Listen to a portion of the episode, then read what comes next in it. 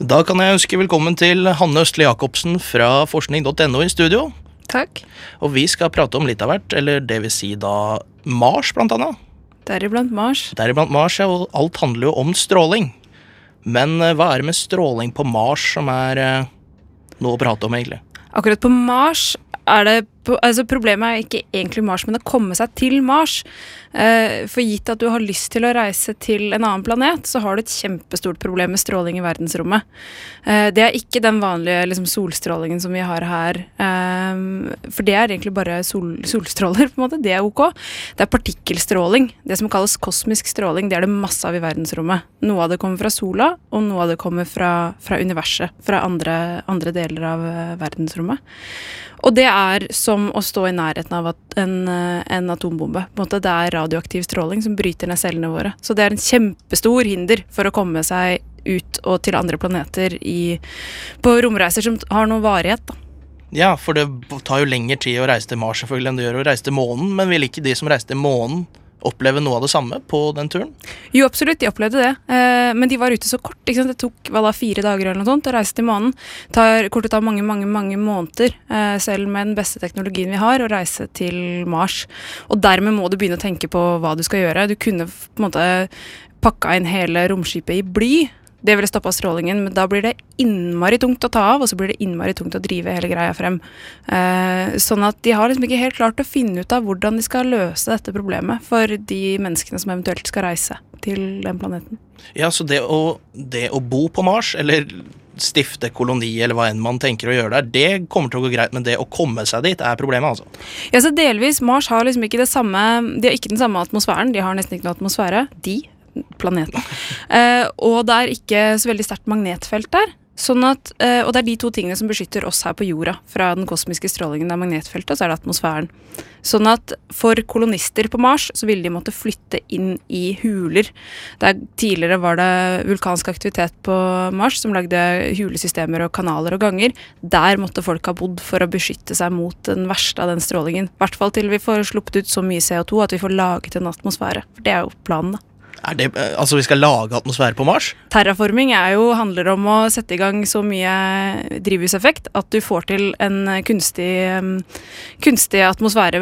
Slippe ut så mye gasser gjennom å bare sette opp planter og la de gjøre om øh, gjøre, Lage masse CO2 i atmosfæren, og så får du da begynt å fange oksygen, sånn som vi gjør her på jorda. Jeg trodde det der var ren sånn Star Trek eh, science fiction helt borti 25 3000 år etter Kristus. Ja. Altså Prinsippet er riktig. Det er jo ingen som har gjort det på stor skala, så vi vet ikke helt hvordan det fungerer. Men i sånne småskalaeksperimenter så er det i hvert fall eh, lovende, og de mest eh, på en måte vidtrekkende av forskerne sier at dette her kommer til å gå helt fint. Så har jo de sagt sånne ting før, så vi får se åssen det går. Men potensialet er der. Ja, og så har det jo vært noe i nyhetene de siste altså eller nyhetene og nyhetene, noen saker på nettet osv. om at det er noen som søker, et privat selskap som søker folk som har lyst til å flytte til Mars og bli der resten mm. av livet. Og hvorfor må man bli der resten av livet hvis man først eh, skal dra dit? Det er nettopp den strålingen, da. Eh, du skal reise i månedsvis over dit, eh, og månedsvis tilbake igjen. Antageligvis er det ikke så veldig liv laga å komme hjem igjen. I tillegg til strålinga så har du også det å leve i så lav tyngdekraft over så lang tid. Kommer sannsynligvis til å bryte ned mye muskler og sånne ting, så vi blir innmari heavy å komme tilbake på jorda, bokstavelig talt. Så disse selskapene som søker folk, søker jo primært mennesker i sluttfasen av livet. De som ikke skal lage babyer lenger, f.eks. Sånn stråling fra verdensrommet vil ødelegge arvestoffet ditt, sånn at uh, barna dine kan få misdannelser. Så de vil helst at uh, på en måte de første nybrottsfolka er uh, godt over sin beste alder. da.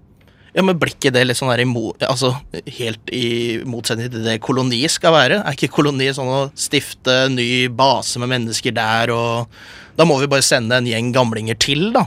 Som også skal dø der borte? Jeg tror vel, eh, Dette var ikke forskerne helt klare på, så det er kanskje et lite hull i eh, rapporten de skrev. Men tanken må vel være noe sånn som at du sender noen nybrottsfolk i starten og lar de gjøre grovarbeidet. Eh, og så venter man på teknologiutviklinga og venter på at det skal være litt mer liv laga på Mars. Så begynner du å sende de som kan lage babyer og sånt etter hvert, da. Ja, ja det, den skjønner jeg. Ja, men du er også med altså Vi har, også, vi har jo prata om stråling hele den sendinga her, og vi skal jo også prate om stråling her på jorda, ikke bare på Mars og i verdensrommet. Og i den sammenhengen så er det jo faktisk stråling fra ting vi har i hverdagen som er i fokus her i dag det er jo ganske lett å måle stråling med sånn der, eh, altså becquerel-apparat og hele pakka. Hvorfor er det så vanskelig å kunne bekrefte akkurat det her? Det er veldig vanskelig, fordi For det første så har vi ikke hatt mobiler så innmari lenge. Sånn at uh, i folkehelseperspektiv, uh, hvor du skal ha mange mennesker over mange år, så har vi ikke så innmari gode data ennå. Uh, og så i tillegg så er det det å skille, eller på en måte finne årsakssammenhenger, da. for du har mobilbruk i dag og så eh, drikker jeg kaffe i dag, og så eh, drar jeg på byen i dag, og så eh, sitter jeg med, med mikrobølgeovn i dag. Altså gjør veldig, veldig mange ting, og om 20 år så får jeg en hjernesvulst. Hva var egentlig årsaken til den hjernesvulsten? Sånne sammenhenger er veldig vanskelig å kile ut, så da trenger du veldig, veldig, veldig store datasett. Og det er ganske dyrt, og det er ganske vanskelig å få til. Så de gjør på en måte så godt de kan, og det som trengs nå, er noen eh, skikkelig gode gjentagelser av de studiene som har vist en fare. Hvis de samme resultatene dukker opp igjen når nye forskere gjør analysen eller gjør den samme typen studier, så vil det stå veldig mye sterkere. Akkurat nå er det ikke gjort noe særlig replikasjoner, som det heter, av disse studiene. For du har jo den der, der Foreningen for eloverfølsomme og sånne ting, som, eh, som, er jo adamante på at det her er farlig, og at de har skader i hverdagen, og de har vondt, og de sliter med å gå på jobb og hele pakka, mens Statens strålingsvern sier at nei, det er ikke det, vet du, det er noe annet.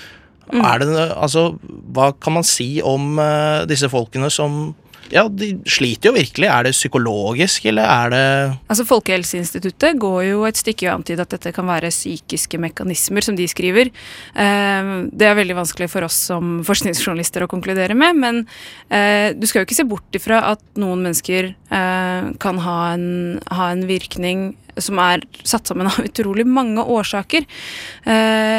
Men det viser seg jo ofte at uh, selv om på en måte normalen er å ikke bli påvirket av et eller annet, så har du noen mennesker som er ekstremutslagende. ikke sant? Det er jo vanlig sånn statistikk, så vil det alltid være ekstremer.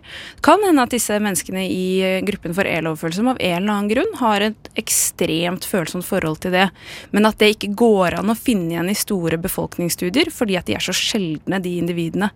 Så man skal jo ikke le av dem eller si at de, uh, de er bare gærne. Eh, av den grunn, men ta, man må jo ta deres bekymringer seriøst. Og så må vi faktisk lene oss til fagfellevurdert forskning når det gjelder å gi store råd til befolkningen på hvordan man skal forholde seg til strålefelt. Og fra de virkelig store gjennomgangene av flere tusen studier på dette feltet, så er det ingen fare. Og så får man heller møte de som opplever noe galt med dette her, med forståelse og, og nysgjerrighet. Yes, ja, men Tusen takk for de rådene, og tusen takk for at du kunne komme, Hanne Øst Jacobsen fra forskning.no.